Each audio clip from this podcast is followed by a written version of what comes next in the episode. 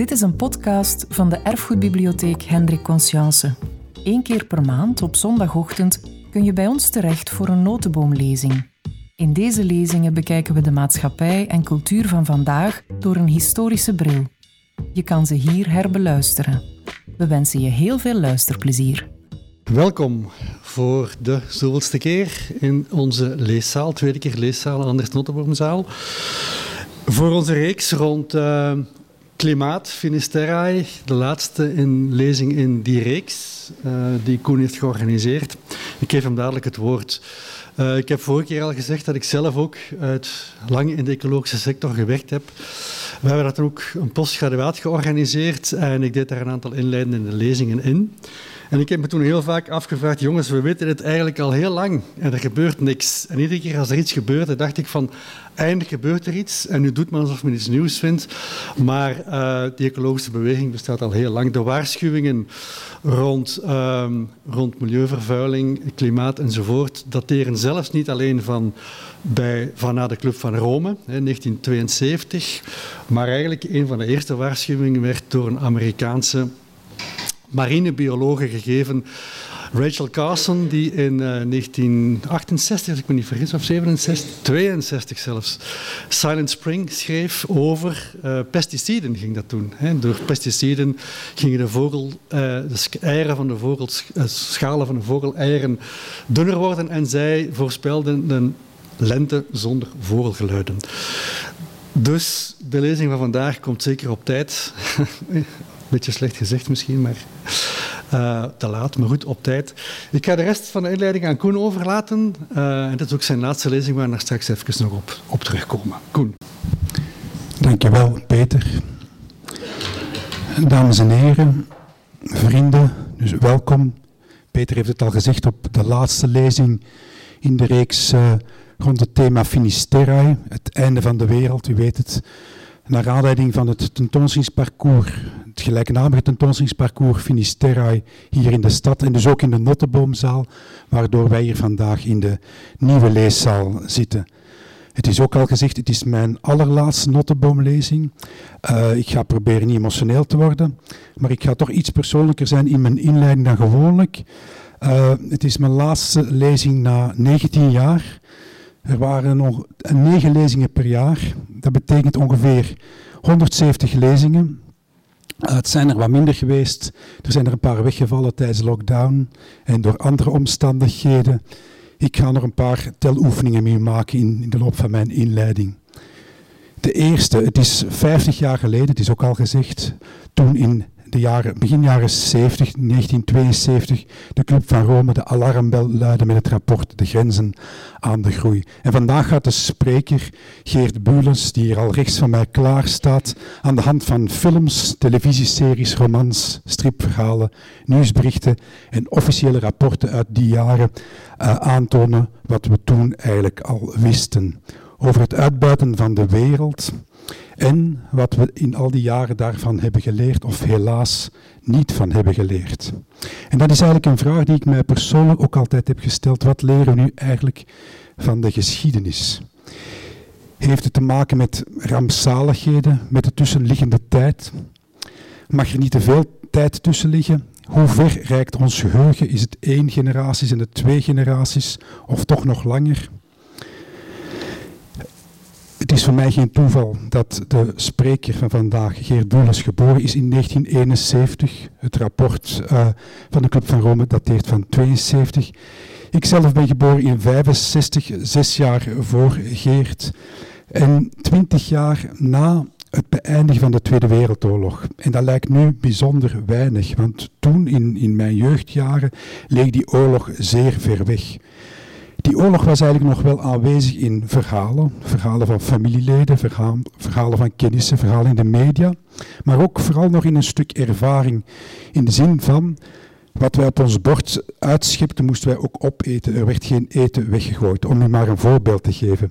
Maar ik had ook de indruk dat er in onderwijs en media aandacht uh, besteed werd aan de geschiedenis en ook de, het historisch bewustzijn. Deze oorlog dit zou nooit meer mogen gebeuren.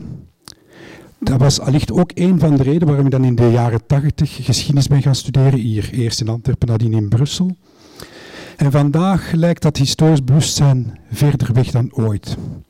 Geschiedenis lijkt soms alleen nog maar een aanleiding voor lijstjes en geforceerde kanons en een vage en stemmige fond, een decor voor liefst tragische liefdesgeschiedenis en misverstanden à la The Crown. Nog een mededeling. Vandaag is er een record geëvenaard. Het is de derde Notteboomlezing van Geert Bules. Hij sprak hier al eens, dan wel in de Notteboomzaal, over de dichters van de Eerste Wereldoorlog. Dan over de jaren 60 en dus vandaag over de jaren 70. We hebben dus blijkbaar veel gemeenschappelijke interessepunten, Geert. Alleen Bart van Loo deed het hem na. Bart van Loo heeft hier ook drie keer gestaan uh, met lezingen over Simenon, de erotiek en de culinaire traditie in de Franse literatuur. Ten slotte, Geert Bules is professor moderne Nederlandse letterkunde aan de Universiteit van Utrecht. Hij is ook gasthoogleraar in Stellenbosch in Zuid-Afrika. Geert publiceerde naast dus de non-fictieboeken waar we het al min of meer over hadden, uh, ook vier dichtbundels en schrijft onder meer ook voor de Standaard. Vorige week is nog bekend uh, geworden dat zijn boek waarop deze lezing ook is gebaseerd. Wat we toen al wisten, de vergeten groene geschiedenis van 1972, uitgegeven bij Querido, een plaats heeft gekregen op de longlist van de Bon Literatuurprijs 2023. Alvast mijn felicitaties, Geert, en ik geef hierbij ook graag het woord.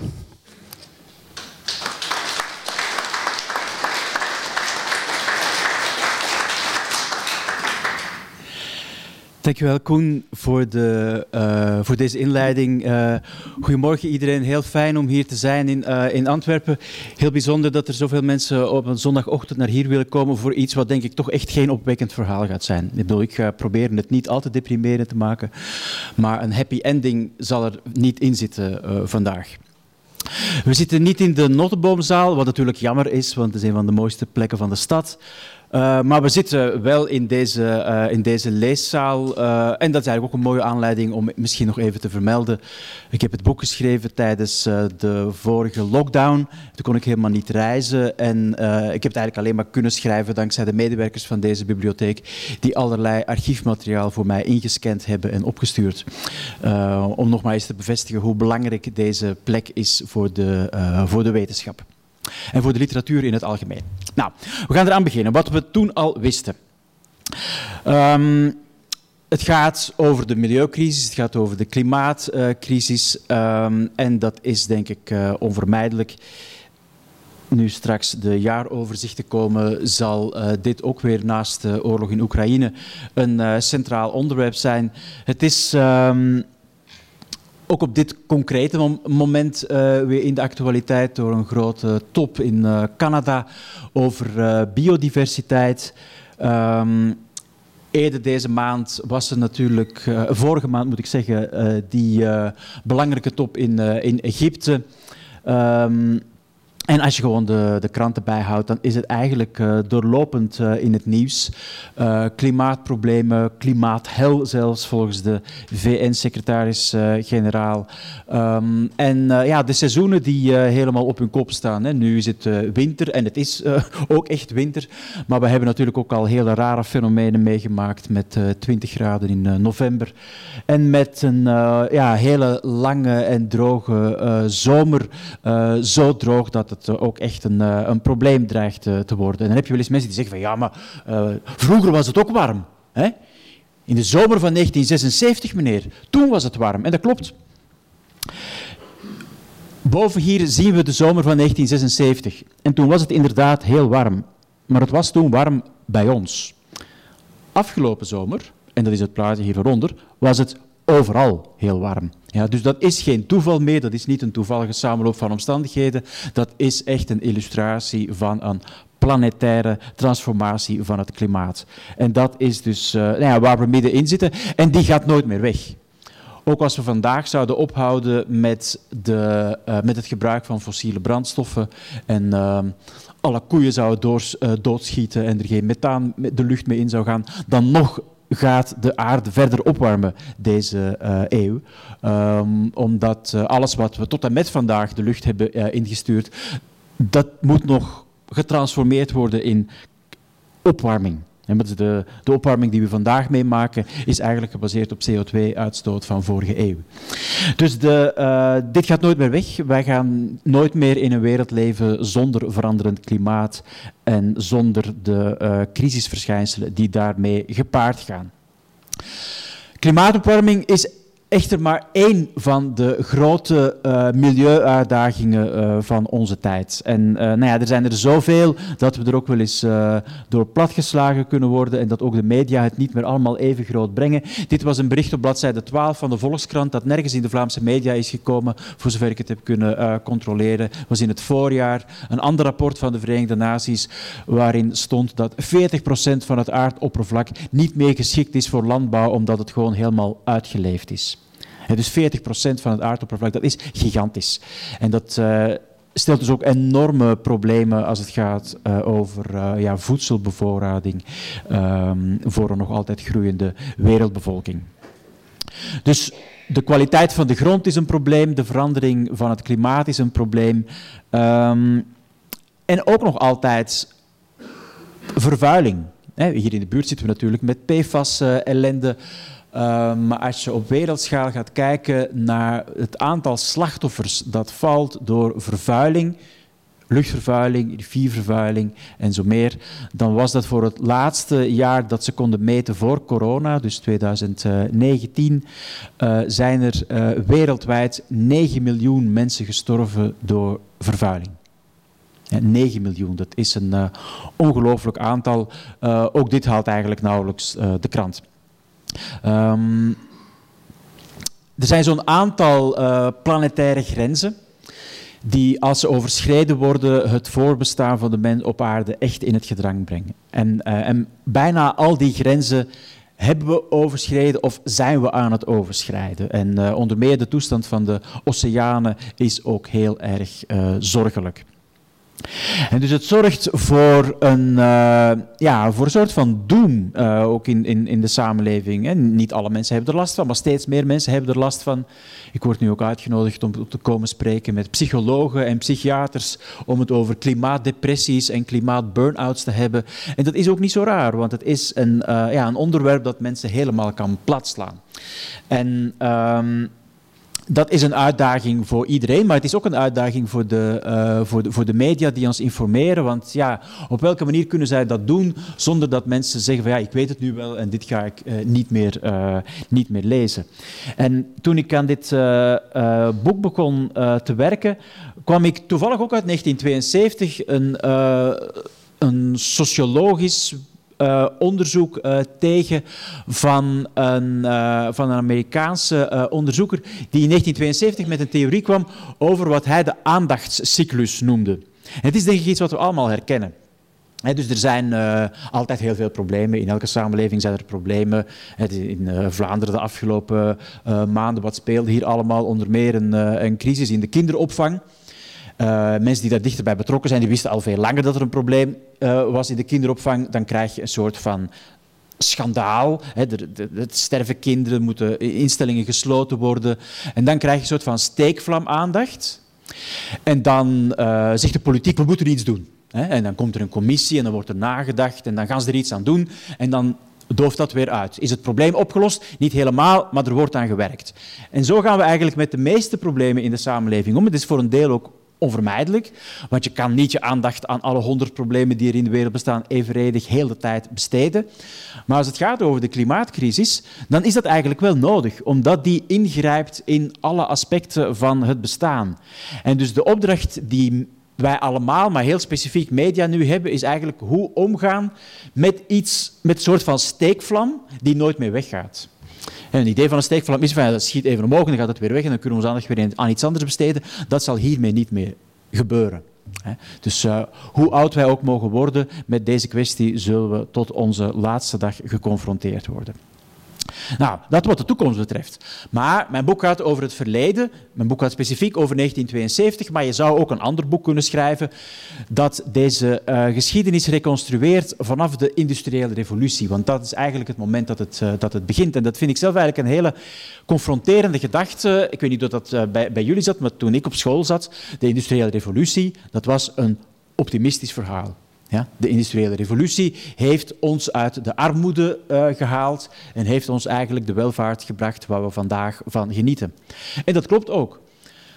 Maar we zijn eigenlijk nu pas beginnen inzien wat de tol is die we betalen voor die eeuwenlange vervuiling, die een uh, neveneffect was van de industriële uh, revolutie.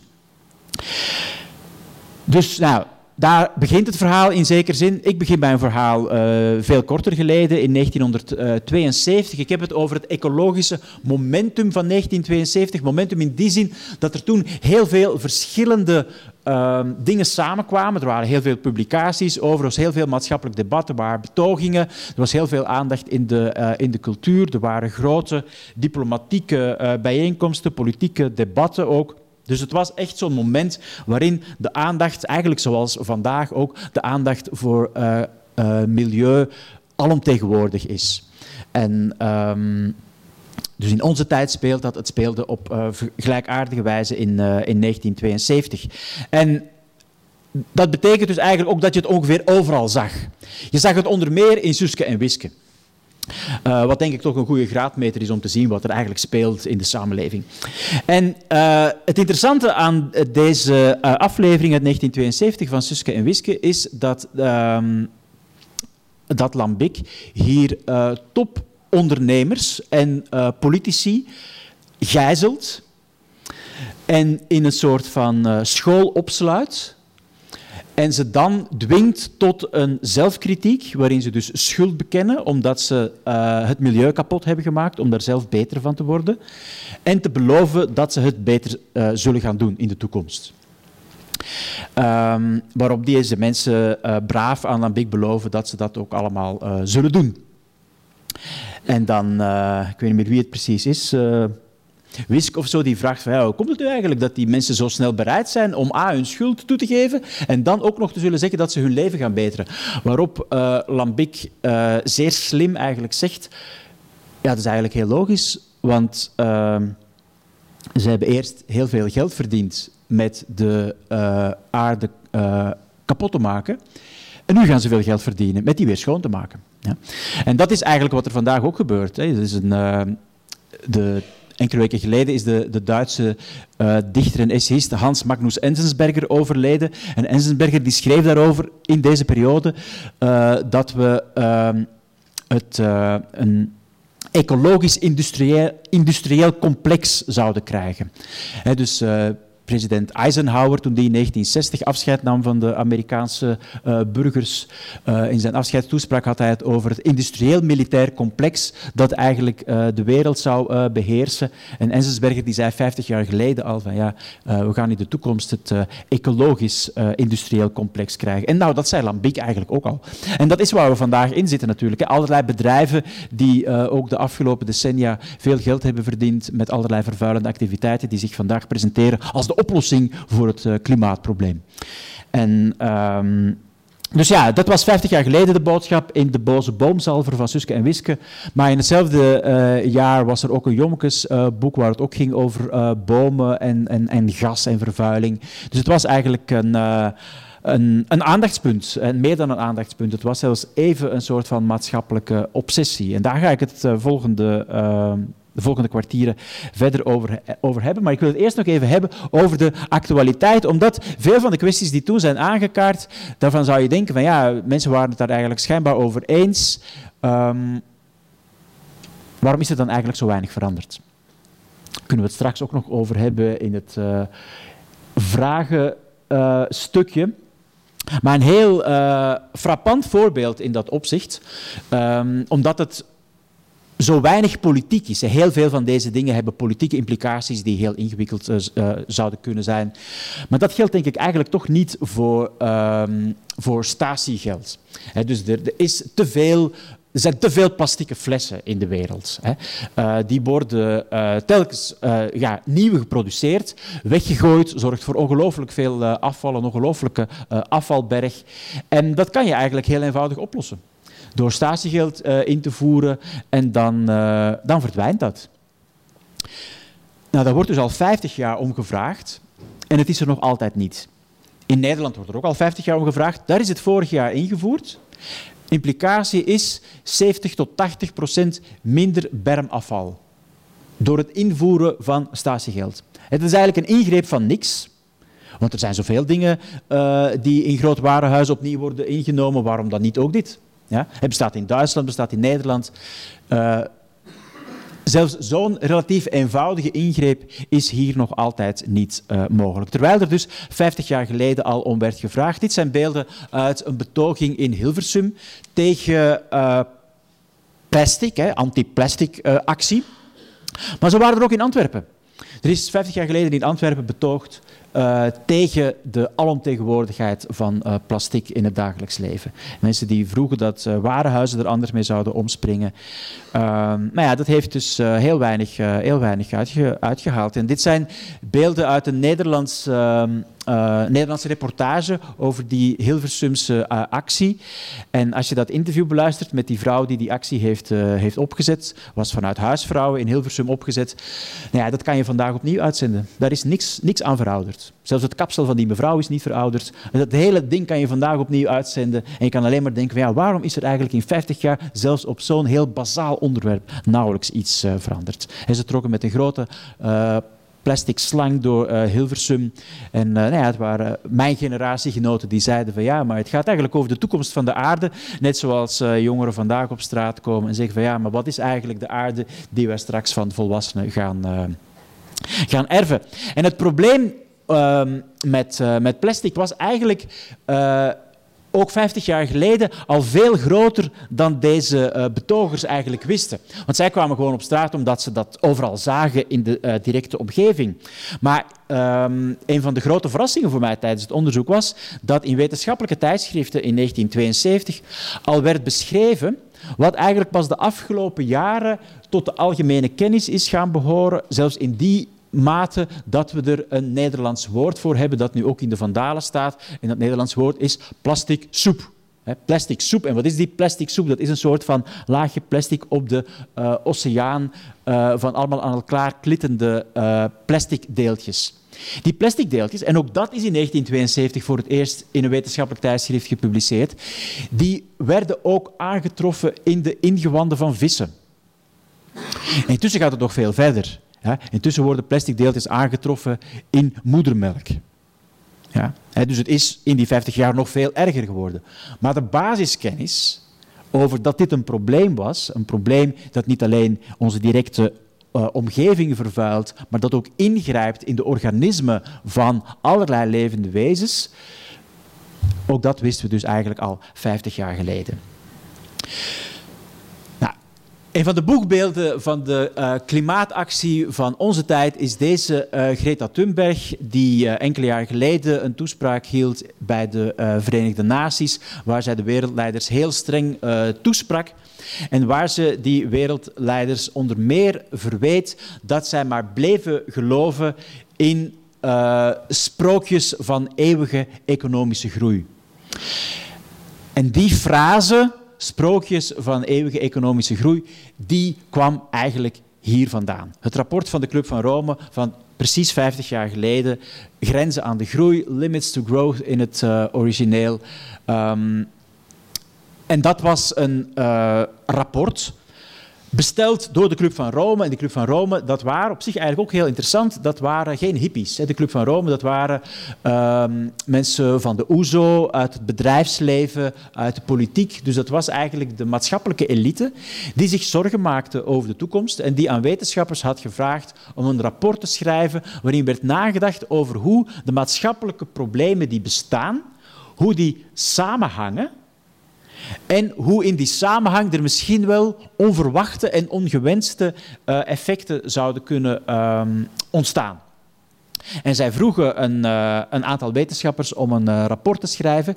En die wetenschappers, dit zijn ze, die dit rapport hebben geschreven. Um, in het MIT in de Verenigde Staten, um, een van de belangrijkste onderzoeks instellingen ter wereld, uh, toen en, en, nog altijd eigenlijk.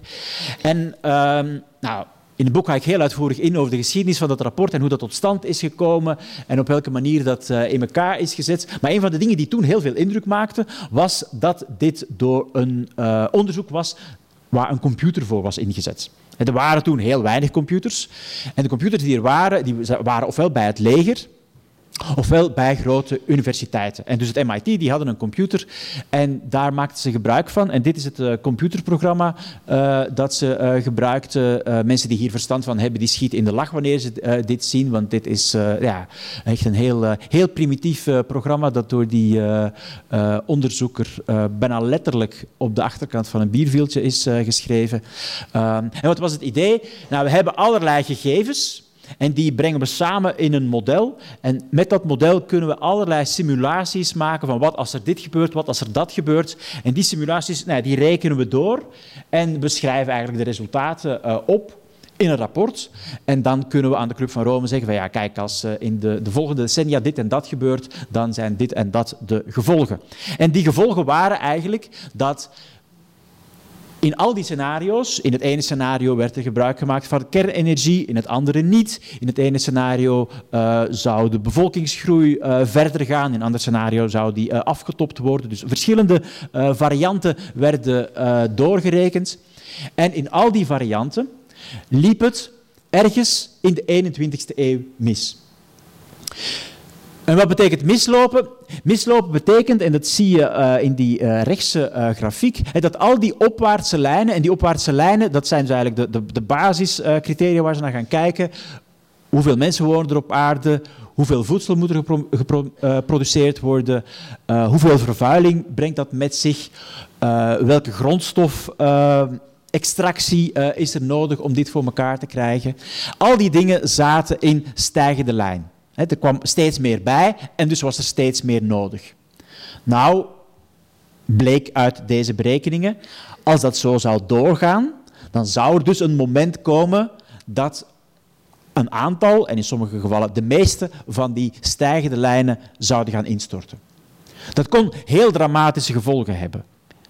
In die zin dat er ook rekening werd gehouden met scenario's waarin de wereldbevolking drastisch zou gereduceerd worden omdat er massale hongersnood zou optreden. Dat was een van de grote angst, uh, psychoses uit de vroege jaren 70. Um, angst voor overbevolking die voor massale hongersnood uh, zou leiden. Nou, daar kunnen we misschien straks nog over hebben. Dat is een, uh, een soort van voorspelling die, die niet is uitgekomen. Uh, maar dat betekent niet dat ze niet meer kan uitkomen. In die zin dat als het echt zo is dat de aardop, het aardoppervlak door erosie uh, steeds uh, minder in staat is om gebruikt te worden voor voedselproductie, dan komt er natuurlijk op een bepaald moment wel een, ja, is er wel een probleem. Of dan kan je doen wat we de afgelopen decennia hebben gedaan. Je kan de Amazone wegkappen om daar landbouwgrond van te maken. Ja? Maar dat is uiteraard ook een heel slecht idee. Ja? Dus er is ergens een probleem. En dat probleem zit hem in het samengaan van die verschillende factoren. Je hebt een probleem en dat ene probleem kan je nog wel oplossen. Maar dan bestaat het risico dat je probleem 3, 4 en 5 vergroot. En dat is eigenlijk een van de centrale inzichten van dat rapport van de Club van Rome. Een inzicht, denk ik, waar we, wat we ons nog altijd te weinig realiseren. En die, die wetenschapper die dat model heeft bedacht, die zei van ja, wij mensen, wij denken dat we in staat zijn om oorzaak en gevolg te begrijpen, maar wij begrijpen dat eigenlijk op een hele primitieve manier. Ik heb hier iets in mijn hand. Als ik mijn hand open, dan gaat dat op de grond vallen. Dat snappen wij allemaal. Ja? Dat is één oorzaak en gevolg. Maar wanneer vijf, zes, zeven factoren op elkaar inwerken, dan kunnen wij ons eigenlijk niet meer voorstellen wat de lange termijn gevolgen zijn. Net daarom hebben we eigenlijk computermodellen nodig die dat voor ons doen.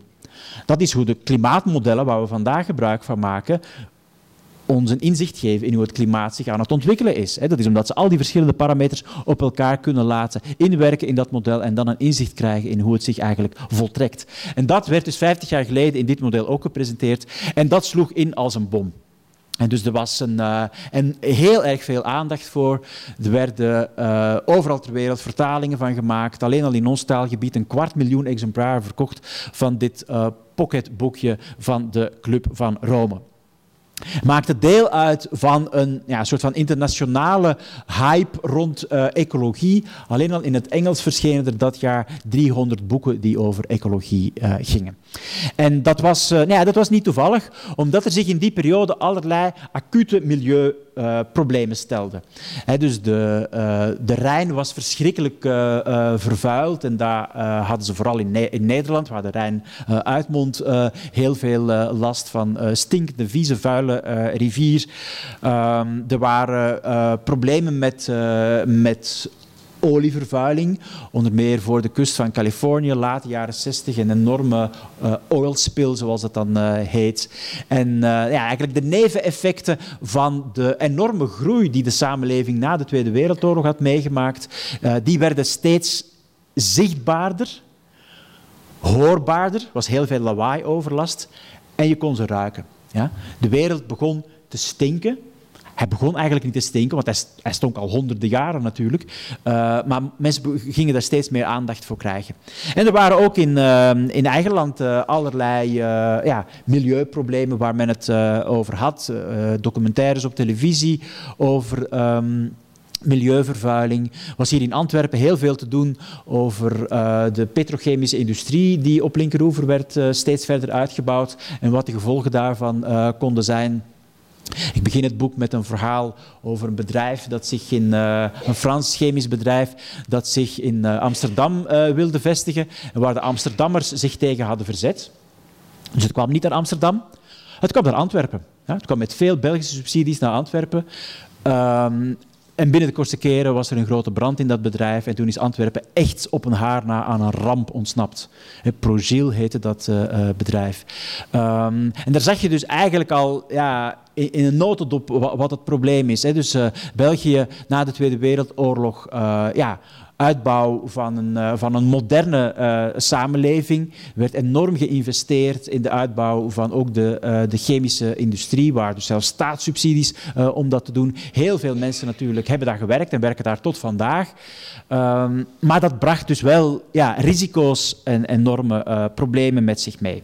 En daar, nou ja, daar, daar, daar stonden de kranten vol van. de omroep besteedde daar ook voor het eerst aandacht aan in debatten en in allerlei discussie uh, en documentaire programma's.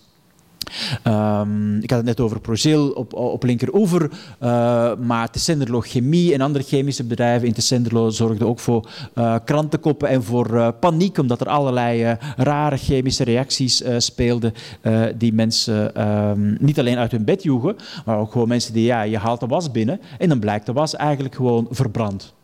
Ja?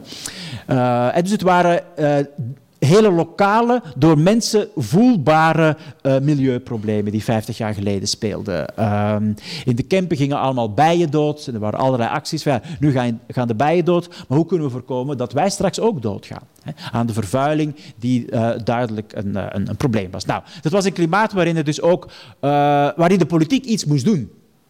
En de eerste uh, politicus uh, die hier uh, een boek over schreef, was um, de Vlaamse liberaal Karel Poma. Die was zelf gedoctoreerd aan de VUB als wetenschapper, dus die wist waar het over ging. Maar die had ook wel een goede politieke reden om dat te doen, want zijn partij zat op dat moment in de oppositie. En hij schreef eigenlijk een boek tegen de regering IJskes, die helemaal niks deed op dit gebied. Nog altijd heel interessant om te lezen, want hij analyseert eigenlijk op al die verschillende gebieden het totaal ontbreken van juridische dwangmiddelen om bedrijven te verplichten om die vervuiling uh, tegen te gaan. En hij zei dus, ja, dat moet veranderen, maar eigenlijk hebben we nog veel meer nodig. Wat er eigenlijk nodig is, schreef Poma in 1972, is een, uh, het is opnemen in de universele verklaring van de rechten van de mens, het opnemen van, het is een mensenrecht om in een gezond milieu te leven.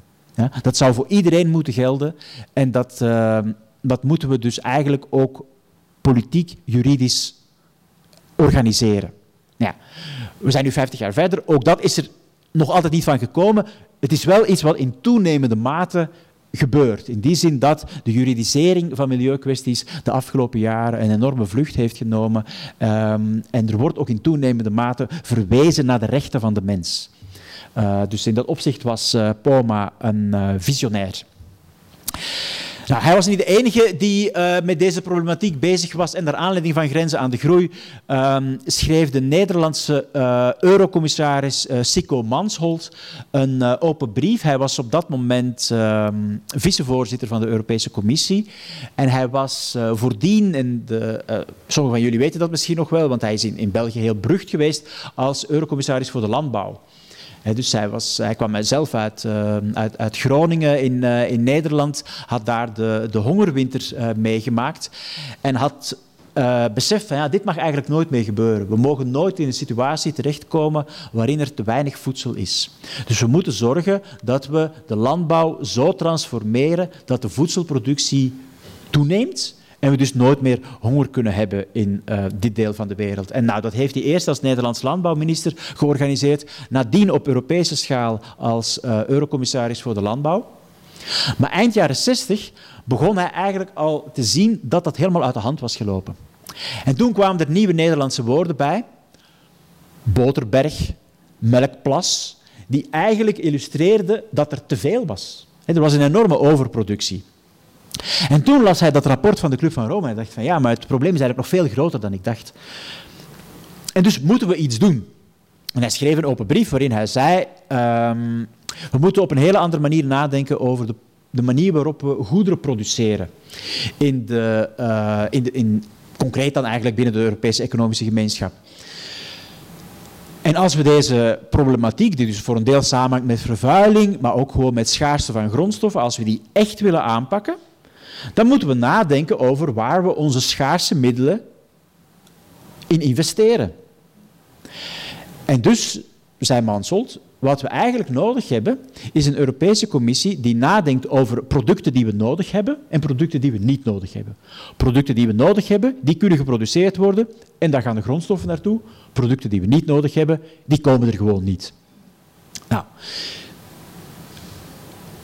dit was een idee 50 jaar geleden iedereen die wel eens naar de Deleuze stapt, die weet dat daar helemaal niks van is gekomen. Dus in 1972 waren er misschien tien soorten ontbijtgranen en vandaag zijn er 80.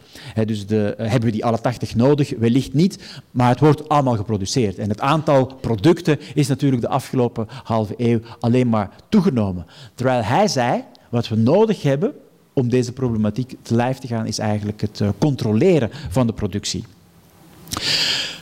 Deze kwestie werd met andere woorden gepolitiseerd. In het geval van Mansholt was dat met ideeën die eigenlijk de volledige Europese en op termijn eigenlijk wereldeconomie zouden uh, moeten beïnvloeden. Wat helemaal niet is gebeurd, al was het wel even zijn idee. In 1972 zijn er ook voor het eerst, aan de andere kant van de wereld, was dat uh, politieke partijen opgericht die ecologisch van inspiratie waren. Dus de allereerste politieke partijen, nou, in, uh, in onze gewesten is dat dan uh, Agalef. Die term Agalef werd door Pater Verstijlen in 1972 voor het eerst gebruikt. Die partij kwam pas later, maar in Nieuw-Zeeland en Tasmanië was er in uh, eh, 1972 voor het eerst ook in lokale verkiezingen een ecologische partij. En die ecologische partijen die kwamen dus op voor hele lokale ecologische problemen.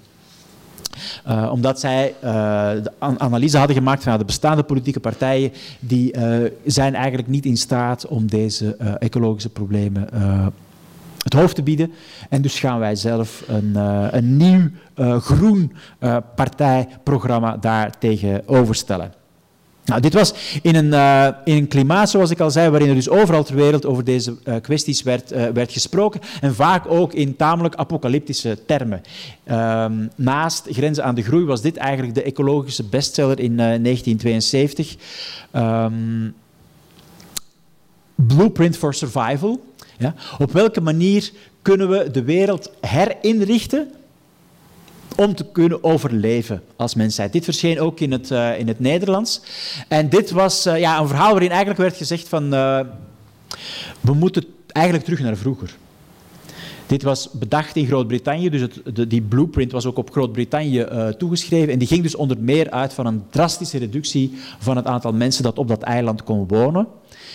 En, die en, in de toekomst zouden mensen dus ook niet meer in grote vervuilde steden leven, maar opnieuw in kleinere agrarische gemeenschappen. Nou, dit was een idee waar toen allerlei mensen uh, heel enthousiast op hebben uh, gereageerd. Ehm, maar dat tegelijkertijd uh, ook een beeld schetste dat, uh, ja, dat eigenlijk haak stond op de ontwikkeling die de wereld uh, volop doormaakte. Want er kwamen eigenlijk alleen maar grote steden bij. Um, en ook dat gaat in onze eeuw alleen maar verder. En de kans dat we nou ja, niet meer in steden wonen over 50 jaar en allemaal in kleine rurale gemeenschappen waarin we onze eigen geiten kweken en, en, en, en daarvan leven, heel erg plausibel klinkt het niet. Ja? Maar het was wel een van de, uh, van de verhalen die toen in de samenleving uh, kwam. En uh, nou, ook een van de redenen waarom over de, de groene beweging werd gezegd dat het geitenwolle sokken mensen waren. dat had precies te maken met dat idee van ja, die willen eigenlijk met hun geit op het platteland gaan leven. En dat had voor een deel ook te maken met het feit dat deze hele beweging die voor een deel veel ouder was, want de ideeën over, over uh, milieubewustzijn en, en, en, en, dierenrechten en zo had je ook al in de, in de 19e eeuw. Je had allerlei bewegingen, en van de wielenwaal uh, hier, die milieubewust waren. maar deze wat politiekere invulling in, in de vroege jaren 70, die was ook heel erg geïnspireerd door, ehm, door de hippiebeweging, hè, die inderdaad het vaak had over terug naar de natuur en macrobiotisch eten en je eigen eten maken en proberen uh, afstand te nemen van de voedselindustrie. Dat waren ook allemaal ideeën uit die, uh, uit, uh, die tijd. En dus, um, ja. Met andere woorden, de vraag was eigenlijk ook, als we een oplossing willen zoeken voor deze problematiek, ligt die oplossing dan eigenlijk in het verleden of ligt die in de toekomst en hoe gaan we die toekomst dan vormgeven? En um, nou, wetenschap is natuurlijk ja, een, een, element van elk nadenken over de, over de toekomst. En dus er werd uh, in dat opzicht ook uh, vanuit, van, vanuit de wetenschap uh, heel veel verwacht. Um, maar er kwam ook een, een andere wetenschappelijke input in het ecologische debat van dat jaar. En dat was deze foto. Een van de beroemdste foto's uit de geschiedenis van de mensheid. Een foto van de NASA, een kleurenfoto van de aarde, gemaakt 50 jaar geleden onderweg naar de allerlaatste maanlanding. Bemande maanlanding. Dus de, de, Amerikanen zijn een aantal keer naar de maan geweest in 1972 voor het allerlaatst. En onderweg daar naartoe maakten de astronauten deze uh, foto van ja, die kwetsbare blauwe bol. En het is, er bestaat een boek uh, met gesprekken van ast astronauten, maar ook cosmonauten. Um, uit de jaren uh, 60, 70 en, en vroeg jaren 80, waarin dus die, uh, die astronauten en cosmonauten spreken met de luchtleiding. En die zeggen allemaal hetzelfde. Ja. Al die astronauten, wanneer ze de aarde zien, zijn getroffen eigenlijk door, die, uh, door, door dat beeld. Uh, en ze komen bijna ook allemaal terug als ecoloog. En, en, zetten zich de rest van hun leven in voor, de, voor de ecologische zaak. En dus die, die, nou, dat, dat privilege om de aarde vanuit uh, de ruimte te zien hebben wij, hebben wij niet. Uh, maar het is denk ik wel een, uh, een les die ons alle aanbelangt. Er werd naar de wetenschap gekeken, maar ook naar de filosofie. En ook in 1972 werd voor het eerst, en dat is intussen een heel filosofisch paradigma, de zogenaamde deep ecology gepresenteerd. Dus de diepe ecologie van een Noorse filosoof, we zien hem hier, en die zei van ja, er is ecologie in de samenleving vandaag. En in de praktijk komt het eigenlijk neer op de dingen die we vandaag doen, kunnen we blijven doen, maar we moeten die voorzichtiger doen. We mogen uh, niet meer zoveel vervuilen als we vandaag doen. We moeten een beetje, een beetje gas terugnemen, uh, maar niks wezenlijks veranderen. De diepe ecologie gaat uit van een wezenlijke transformatie. Namelijk vanuit het idee dat op aarde alle organismen evenveel recht van leven hebben. En dat het dus niet zo is dat de mens in een soort van piramide aan de top staat en zich al die andere organismen kan toe-eigenen, maar de mens dient in respect met al die andere organismen samen te leven. Dus deze vorm van diepe ecologie was een, ja, eigenlijk een uitdaging aan de dagelijkse uh, ecologie, waarin men dacht van we draaien aan een paar knoppen en dan komt het eigenlijk wel goed. Andere ideeën uit 1972 die tot vandaag verder worden uh, ontwikkeld en die zelfs de afgelopen jaren in toenemende mate een impact hebben uh, in deze uh, kwesties, zijn van juridische aard. Het ene gaat over dierenrechten. Um, En Peter Singer, de, Amerikaanse, de Australische uh, filosoof, die, uh, die schreef in 1972 een uh, artikel en dat heet Animal Liberation, hè, dierenbevrijding. En hij zei van ja, we hebben uh, in deze tijd, uh, vlak na de jaren 60, zei ja, we hebben te maken met women's liberation, hè, de tweede feministische golf, we hebben te maken met black liberation, de zwarte burgerrechtenbeweging en black power. Zei ja, het ligt eigenlijk ontzettend voor de hand. De volgende stap in, deze, in het vrijmaken eigenlijk van geëxploiteerde um, organismen is dieren. Ja. En hij schreef dat naar aanleiding van een, van een recensie die hij maakt, uh, uh, waar ik het in het boek ook over heb, ook een boek uit 1972, waarin in detail eigenlijk wordt beschreven ja, hoe met dieren wordt omgesprongen, niet alleen in de... Uh, in de vleesverwerkende uh, industrie, maar bijvoorbeeld ook in, uh, in cosmetica en in allerlei uh, dierproeven die in de wetenschap gebeuren. Dus eigenlijk een lange op, opsomming van gruwelijk leed dat dieren wordt aangedaan. En ehm, ja, de Singer zei van ja, daar moet een eind aan komen en we moeten dus ehm, dieren bevrijden. Dieren bevrijden van wat wij die dieren aandoen. In hetzelfde jaar was er in de Verenigde Staten een, uh, een jurist uh, die nadacht over. Um, en je kan het toepassen op die dieren, maar hij paste het toe op bomen, maar net zo goed op rivieren en op meren. Zei, wat zou er gebeuren als we van bomen, rivieren en meren rechtspersonen zouden maken? Rechtspersonen die dus met andere woorden in een rechtbank ook kunnen eisen. want wat is vandaag het probleem wanneer het gaat over, uh, over milieuproblematiek? er wordt vervuild. En er wordt er gezegd ja, maar er bestaat een norm. In de wet staat een norm. En die norm zegt van oké, uh, laten we zeggen 100, dan is de rivier helemaal dood. Dat mag natuurlijk niet. De rivier mag niet helemaal dood zijn. De rivier moet biologisch overleven. Ze kan min of meer overleven bij 60. Dan leggen we op 60 de norm. Als die rivier rechtspersoonlijkheid zou hebben, dan zou die rivier zeggen, ja maar sorry, ik wil niet tot 60% vermoord worden. Ik wil helemaal niet vermoord worden. Ja? Ik wil gewoon dat ik als een organisch, biologisch goed functionerende rivier zonder vervuiling kan functioneren. Maar zo denken mensen niet. Mensen denken, hoe ver kunnen we gaan in het nou ja, omgaan met deze rivier? En dat speelde op heel veel vlakken. Een van de grote discussies in 1972 ging over de walvissenjacht. Hoeveel walvissen mogen we elk jaar kapot maken om te voorkomen dat de walvis uitsterft? En zo gaan we, we gaan met vis zo om, eigenlijk met alle uh, organismen gaan en hoeveel bomen mogen we omhakken? Op al die niveaus gaan we eigenlijk, hoe ver kunnen we gaan tot net voor de grens voor het instort? Ja? Nou, een manier om dat op te lossen, zei deze uh, jurist, was om um, deze organismen rechtspersonen te maken. Dat betekent natuurlijk niet dat die boom zelf in de rechtszaal kan pleiten, maar die boom die krijgt dan een voogd. Net zoals er bedrijven zijn. Een bedrijf kan natuurlijk ook niet zelf spreken, maar die heeft dan een advocaat. En die advocaat gaat dan dat bedrijf verdedigen in de rechtbank.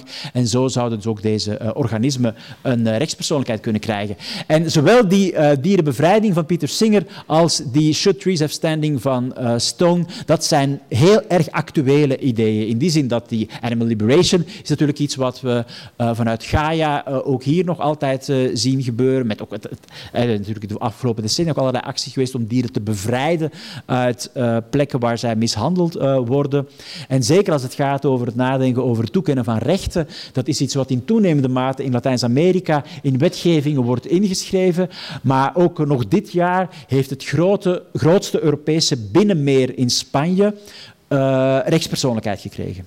Ja? Dus dit is denk ik een van de grote transformaties in het ecologische denken en handelen van uh, onze tijd. Nou, klinkt misschien een beetje uh, ver af, maar dit is veel dichterbij. Um, namelijk de elektrische deelauto er zijn te veel auto's, die auto's die stinken. Uh, nou, een elektrische auto, dat stinkt al minder. En uh, als we die delen, dan hebben we er ook veel minder van nodig. Dat is iets wat in toenemende mate natuurlijk uh, gebeurt in onze uh, steden. Vijftig jaar geleden ook al. Want dit was een idee van de provo's, die op dat moment niet meer provo heten, maar de kabouters in Amsterdam. En die hadden in 1972 in Amsterdam de eerste elektrische deelauto. En dat maakte nou ja, eigenlijk deel uit van wat, wat Provo al eerder met het Witte Fietsenplan uh, in Amsterdam had uh, geïnstalleerd. Hè. Nadenken over de stad van de toekomst. Een stad waar zuivere lucht um, niet meer automatisch voorhanden was en waar dus moest worden nagedacht over andere manieren van transport, andere manieren van samenleven, waardoor dat toch nog op een min of meer gezonde manier zou kunnen. Een voorbeeld uit Amsterdam. Nu een voorbeeld uit Antwerpen. Heel dichtbij. Het is een heel klein verhaal, maar met enorme implicaties, vind ik zelf. Vijftig jaar geleden organiseerde Shell België een actie met Belgische scholieren. En zij vroegen aan die Belgische scholieren om met een idee te komen, een ecologisch idee, dat dan door een cel benoemde jury zou worden geëvalueerd en een aantal van die projecten zou dan kunnen worden uitgevoerd. En dat kon dus gaan over het opruimen van een, uh, uh, van een veld waar heel veel afval lag, of ergens een, uh, een beek die vervuild was, of ergens vogelnestjes in, de, ehm, in een tuin hangen, om op die manier dus iets, iets voor het milieu te doen. Nou, 50 jaar geleden ehm, waren er hier in de stad kritische leraren die zeiden daar gaan we niet aan meedoen. Ja. Wij, uh, er is natuurlijk een heel groot milieuprobleem. En wie zijn de verantwoordelijken voor dat milieuprobleem? Bedrijven zoals Shell. Ja? En wat Shell probeert te doen, is eigenlijk uh, hun eigen verantwoordelijkheid afschuiven op schoolkinderen, die dan met een symbolische actie moeten komen en dan denken dat ze iets voor het milieu doen. En die leraren zeiden van oké, wij doen niet mee en we gaan die foldertjes van Shell niet uitdelen. Oké, je zou denken, einde verhaal. Maar hier begint het verhaal pas. Die leraren die kregen advocaten op hun dak, deurwaarders op hun dak, dwangsommen en die werden dus geïntimideerd door Shell 50 jaar geleden omdat ze weigerden een foldertje van Shell uit te delen. Een verhaal van niks dat tegelijkertijd denk ik heel veel zegt over de ongelooflijke arrogantie van dat soort bedrijven, die tot vandaag een van de grote uh, aanjagers van de uh, milieu- en klimaatcrisis zijn. En nog altijd eigenlijk uh, probeert Shell zichzelf als de oplossing te presenteren voor wat in essentie ja, het probleem is. En uh, ze, ze, adverteren uh, met uh, misleidende slogans, waar ze in Nederland telkens opnieuw wordt dat verboden om nog die slogans te gebruiken. Maar ze blijven daarmee mee, mee doorgaan. En vandaag noemen we dat greenwashing. dus je, je, je, je, pretendeert eigenlijk ecologisch goed bezig te zijn, maar daarachter zit een enorme vervuilende industrie. En dus dat, uh, kleine Antwerpse, uh, die kleine Antwerpse protestactie tegen die grote uh, multinational is denk ik in dat opzicht symptomatisch voor de, de strijd die ook vandaag denk ik nog altijd gevoerd moet worden om dat soort grote bedrijven tot betere gedachten te brengen. Nou, 50 jaar geleden werd dat type discussie dus ook al volop gevoerd. En er werd dus ook nagedacht over, nou ja, andere manieren van leven, andere manieren van bijvoorbeeld uh, energieproductie uh, en manieren van um, milieuactivisme. Dus dat waren allemaal, allemaal discussies die wij vandaag voeren, die eigenlijk 50 jaar geleden uh, ook werden gevoerd. En um, Roel van Duin, de, eigenlijk de oprichter van, van Provo, die op dat moment voor de kabouters in de gemeenteraad in Amsterdam zat, die was er absoluut door geobsedeerd en die schreef ook in 1972 een boekje over alternatieve duurzame energie.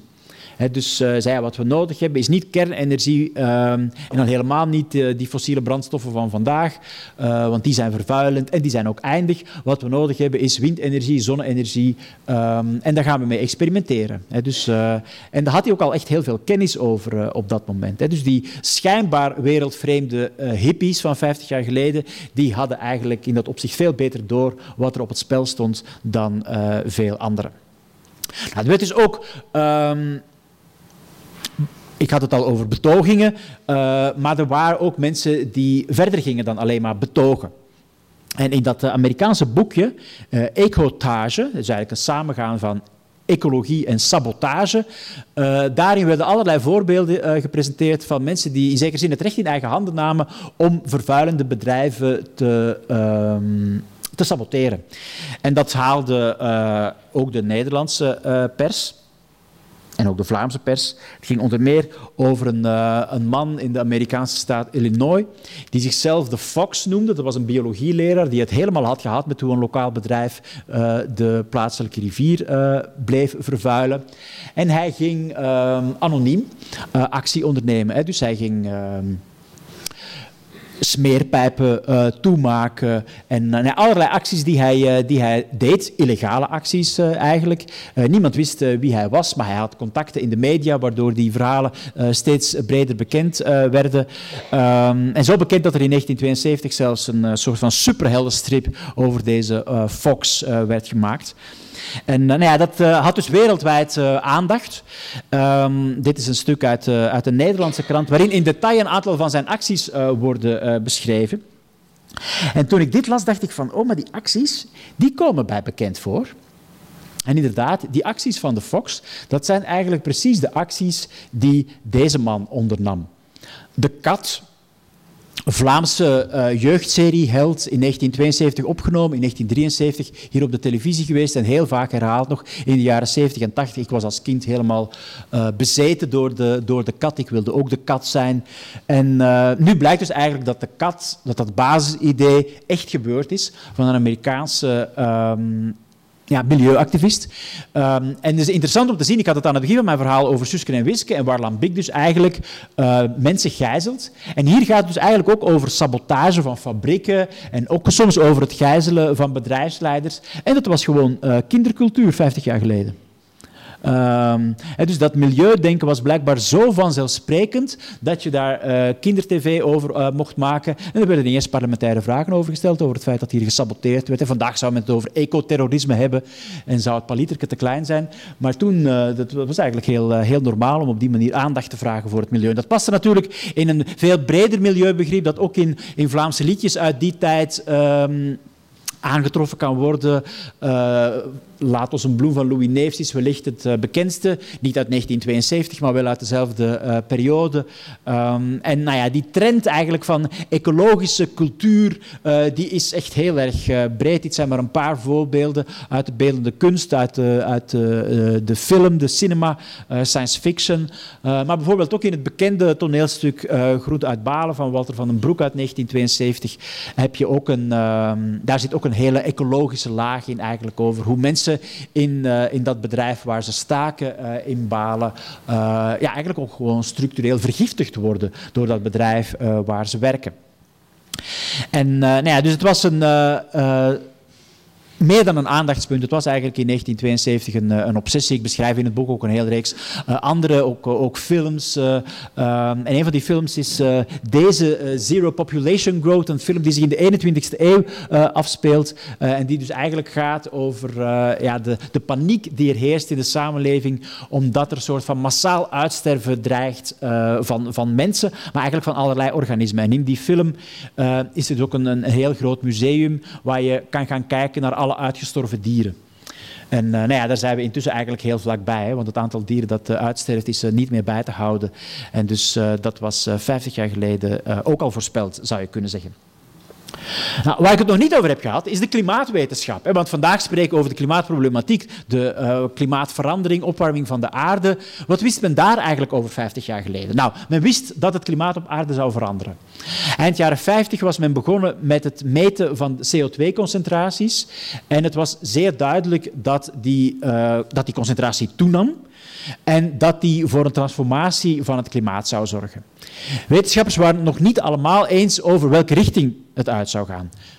De meeste wetenschappers gingen uit van een opwarming was een kleine eh, groep van wetenschappers die van het tegenovergestelde uitging en die dachten, nee, we gaan naar een nieuwe ijstijd.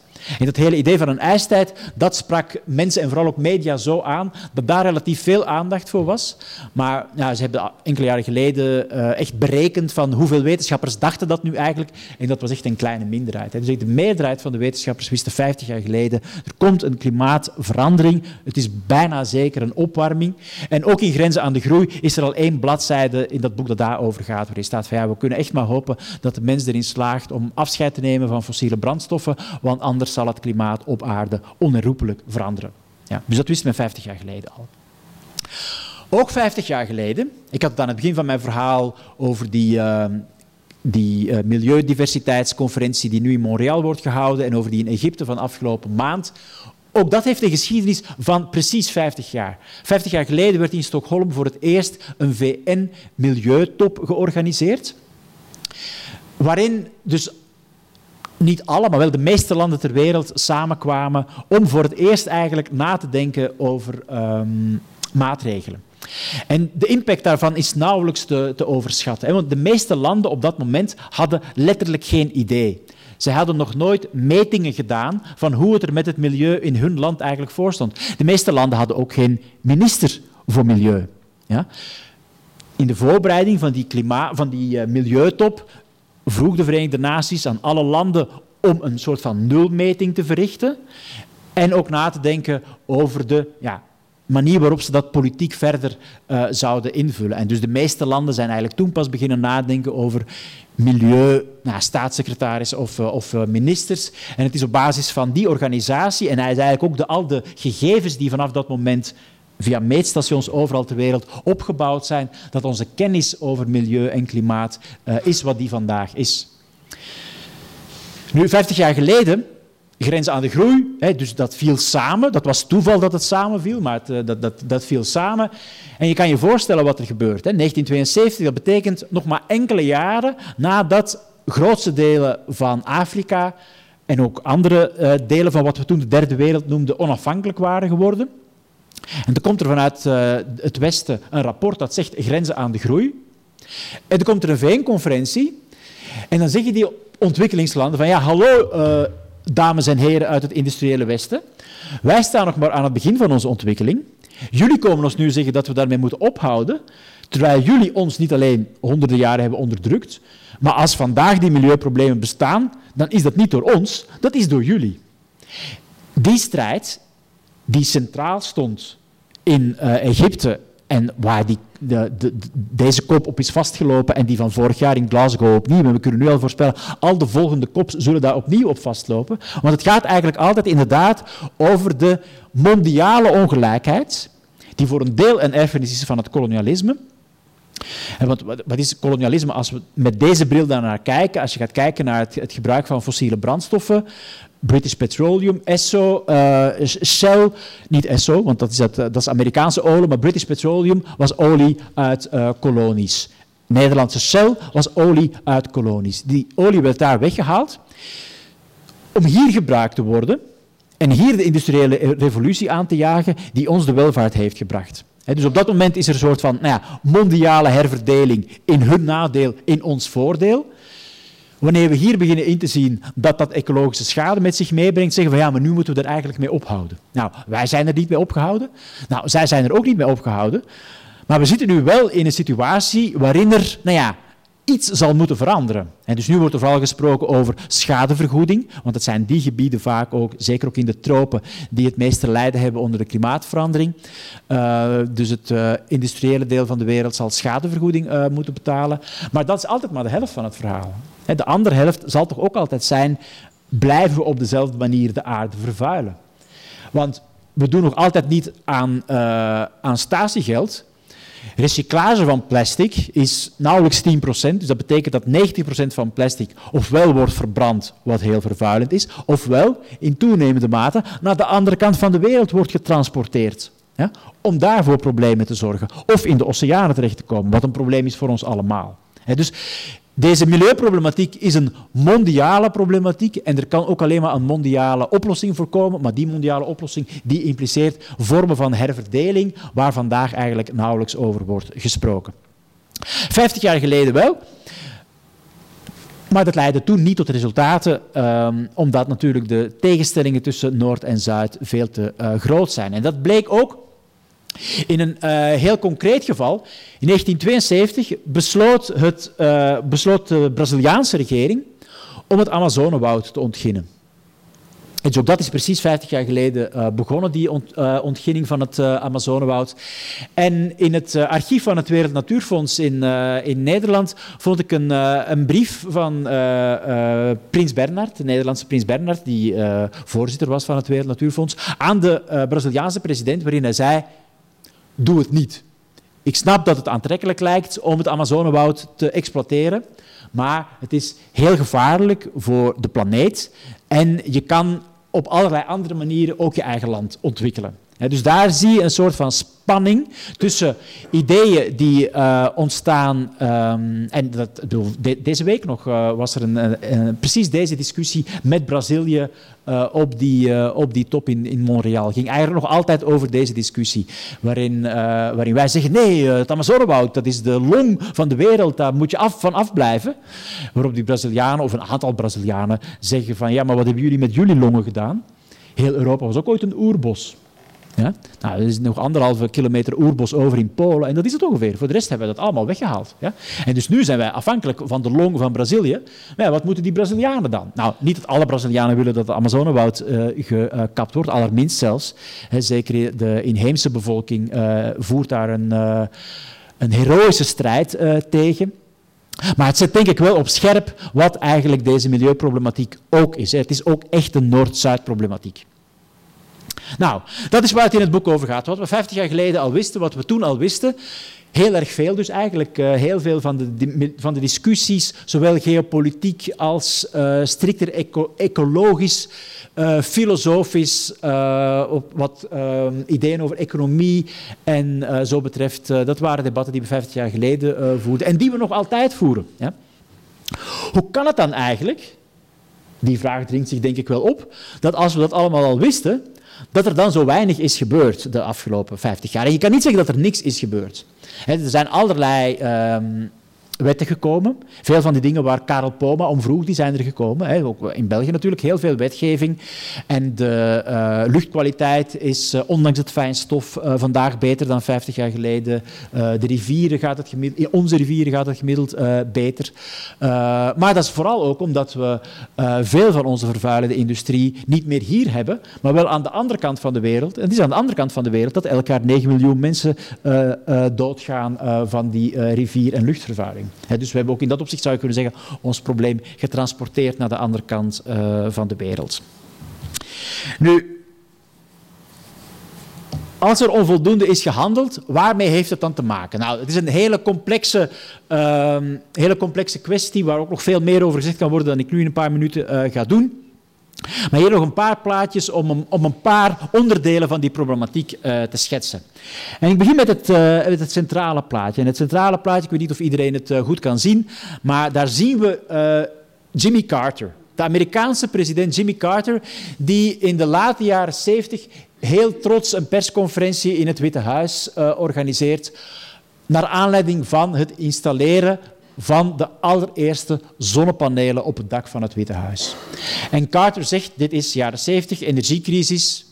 Hij zei, ja, we moeten in de toekomst ervoor zorgen dat we niet meer afhankelijk zijn van uh, energie die uit de rest van de wereld komt, want geopolitiek weet je maar nooit wat er gebeurt. Op dat moment was dat natuurlijk heel sterk met de OPEC, dat ze in de clinch uh, lagen. Wij hebben vandaag onze problemen met Poetin. Um, en zeiden ja, we moeten er gewoon voor zorgen dat we energie uit, uh, uit duurzame uh, bron halen. En nou ja, wat is er duurzamer dan de zon? En ik begin met een politiek, zei Carter toen, die ervoor moet zorgen dat in het jaar 2000 20% van de Amerikaanse energie duurzaam is. En deze zonnepanelen op het dak van het Witte Huis, die staan eigenlijk symbool voor deze uh, ambitie.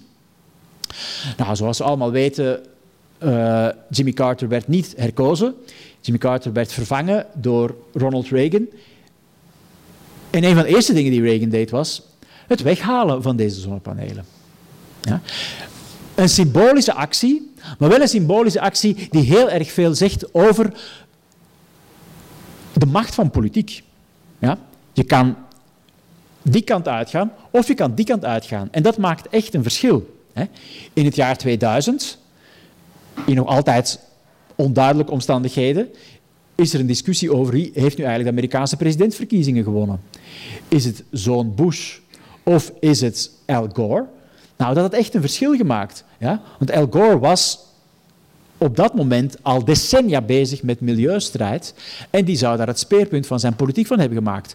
Bush daarentegen, uit welke industrie kwam die? Die kwam uit de olieindustrie. Ja? En dus het samengaan eigenlijk van het grote kapitaal dat in de Verenigde Staten vaak fossiel kapitaal is, met belangrijke plekken in de politiek, is een van de hoofdredenen voor het feit dat, uh, dat er zo weinig is veranderd. Een andere reden is dat de wereldbevolking, maar specifiek toch ook weer de Verenigde Staten, maar dat heeft dan ook altijd een effect uh, in Europa, um, dat we belogen zijn, eigenlijk decennia lang. Er is een desinformatiecampagne geweest vanuit de grote fossiele bedrijven om uh, eerst de klimaatverandering te ontkennen en toen dat niet meer kon, verwarring te zaaien en te vertragen. Dat is intussen zeer gedetailleerd uh, beschreven in een boek Merchants of Doubt. En het interessante daaraan is dat die Merchants of Doubt, dus die handelaren in twijfel, dat zijn eigenlijk altijd dezelfde. En voor die zich met deze problematiek bezighouden, hebben ze precies hetzelfde gedaan met sigaretten. Al van in de jaren 50 wisten ze dat sigaretten kankerverwekkend waren. Er waren acties om sigaretten te verbieden. Ze hebben decennia lang dat proberen te saboteren.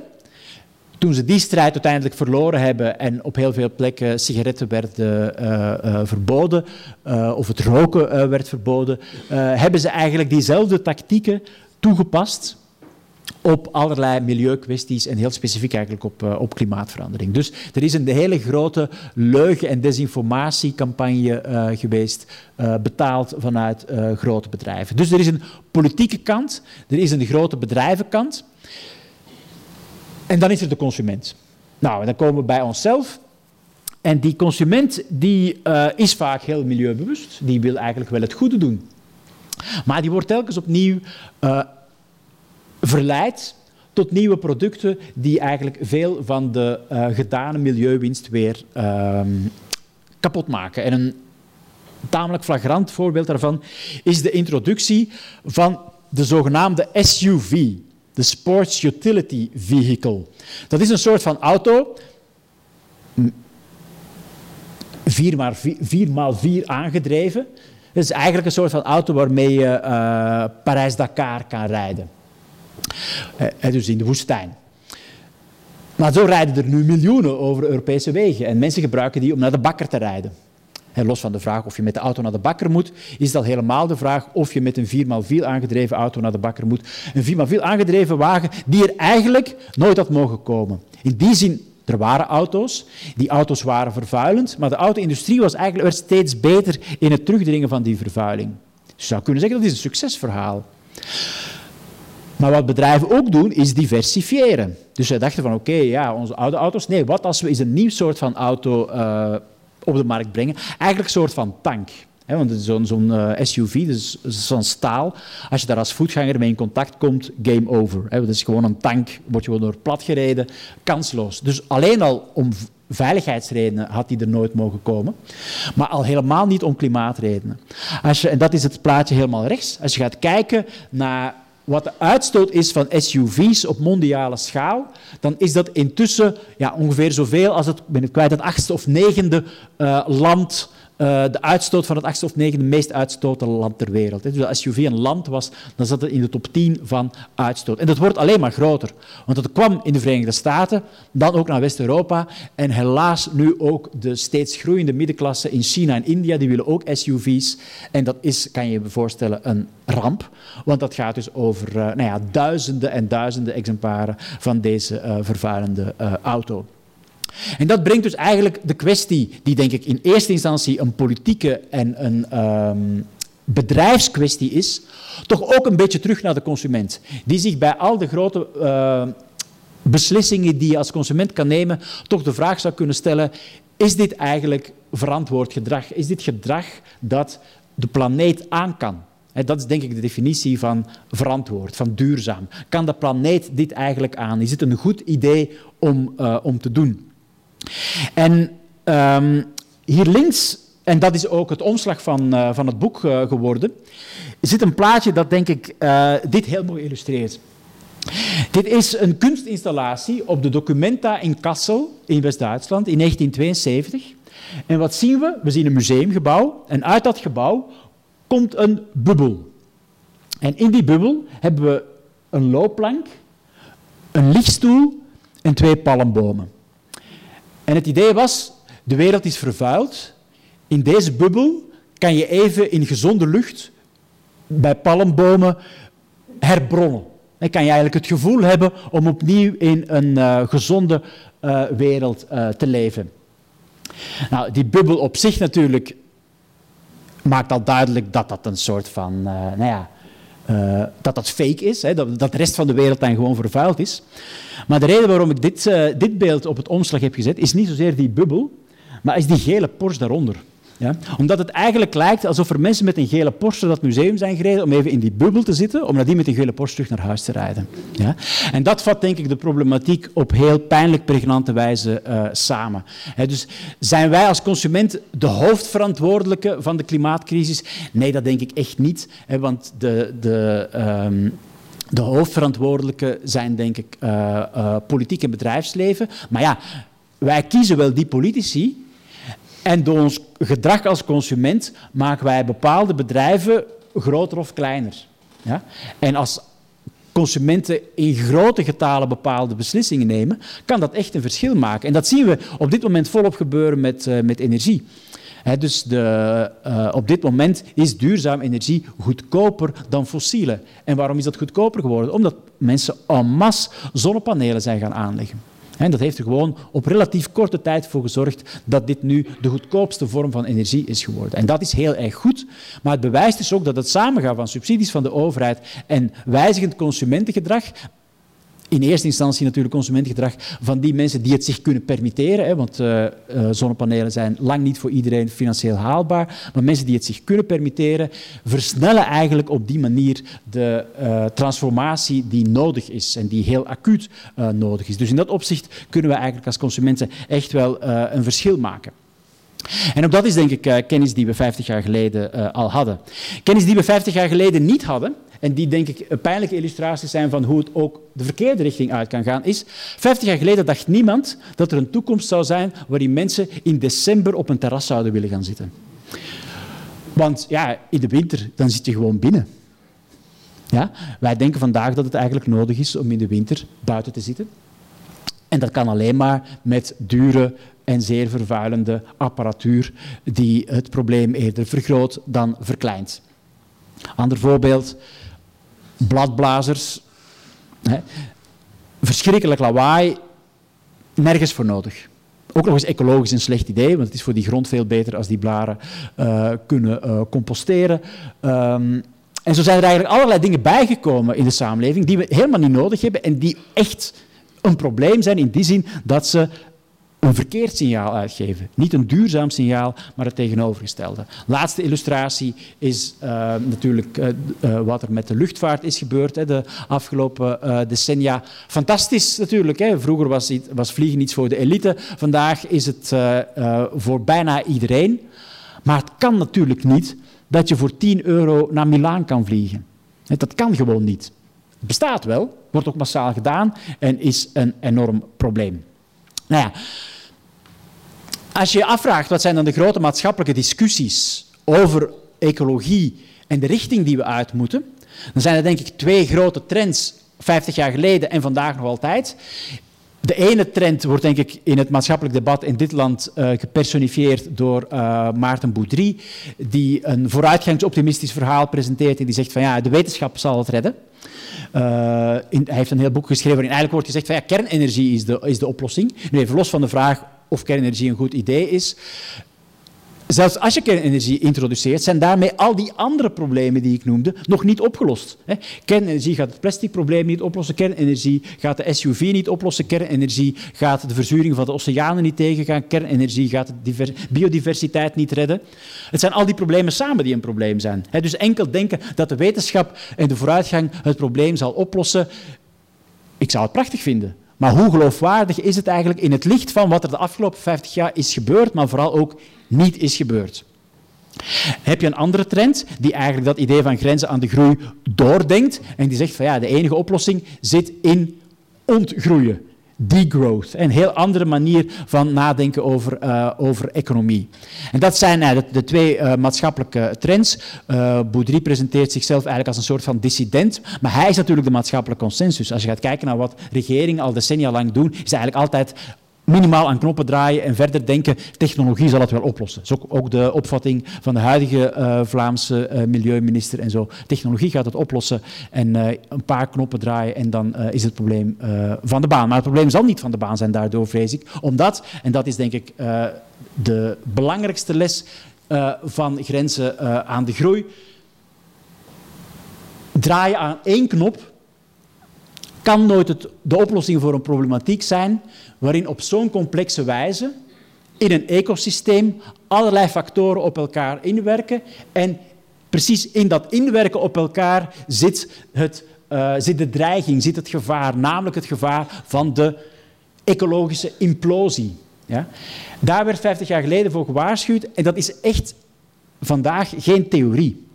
Er is enkele jaren geleden een Zwitserse herverzekeraar geweest. En nou ja, Zwitserse herverzekeraars, waarom bestaan die?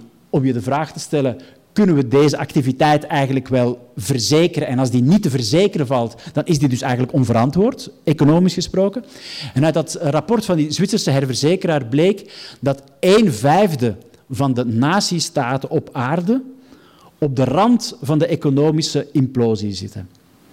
Een vijfde. En dan gaat het dus over, zijn dat landen waar nog zoet water zal zijn voor drinkwatervoorziening? Zijn dat landen waar nog voldoende landbouwgrond is voor voedselvoorziening? Het gaat echt over de allerbasaalste dingen in het dagelijks leven. Kunnen we eten en drinken? Dat is in een vijfde van de landen op aarde, volgens de Zwitserse herverzekeraar, hè, niet volgens hippies, niet meer gegarandeerd.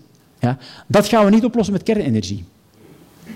Dus het probleem is echt een zeer groot probleem dat alleen maar op mondiaal vlak kan worden uh, opgelost, maar waar denk ik wij allemaal als consument een heel kleine uh, bijdrage aan kunnen leveren uh, door A, vanuit dit besef te leven en door B, wanneer we centrale beslissingen in ons leven nemen, Nemen we een elektrisch vuur of een gasvuur? Uh, gaan we nog een nieuwe auto kopen? En zo ja, een elektrische. Kunnen we ons uh, zonnepanelen of een uh, warmtepomp permitteren om dan keuzes te maken die, die duurzaam zijn? En nogmaals, één burger die dat doet, maakt het verschil niet. Maar wanneer heel veel mensen dat tegelijkertijd doen, zo werkt de economie dan ook wel weer, kan dat echt wel een verschil maken. En zo heb ik dan geprobeerd mijn verhaal toch niet al te deprimerend te eindigen. Ik dank u. Je luisterde naar een podcast van de Erfgoedbibliotheek Hendrik Conscience. Wil je nog een andere lezing beluisteren? Ga dan naar www.consciencebibliotheek.be-herbeluister.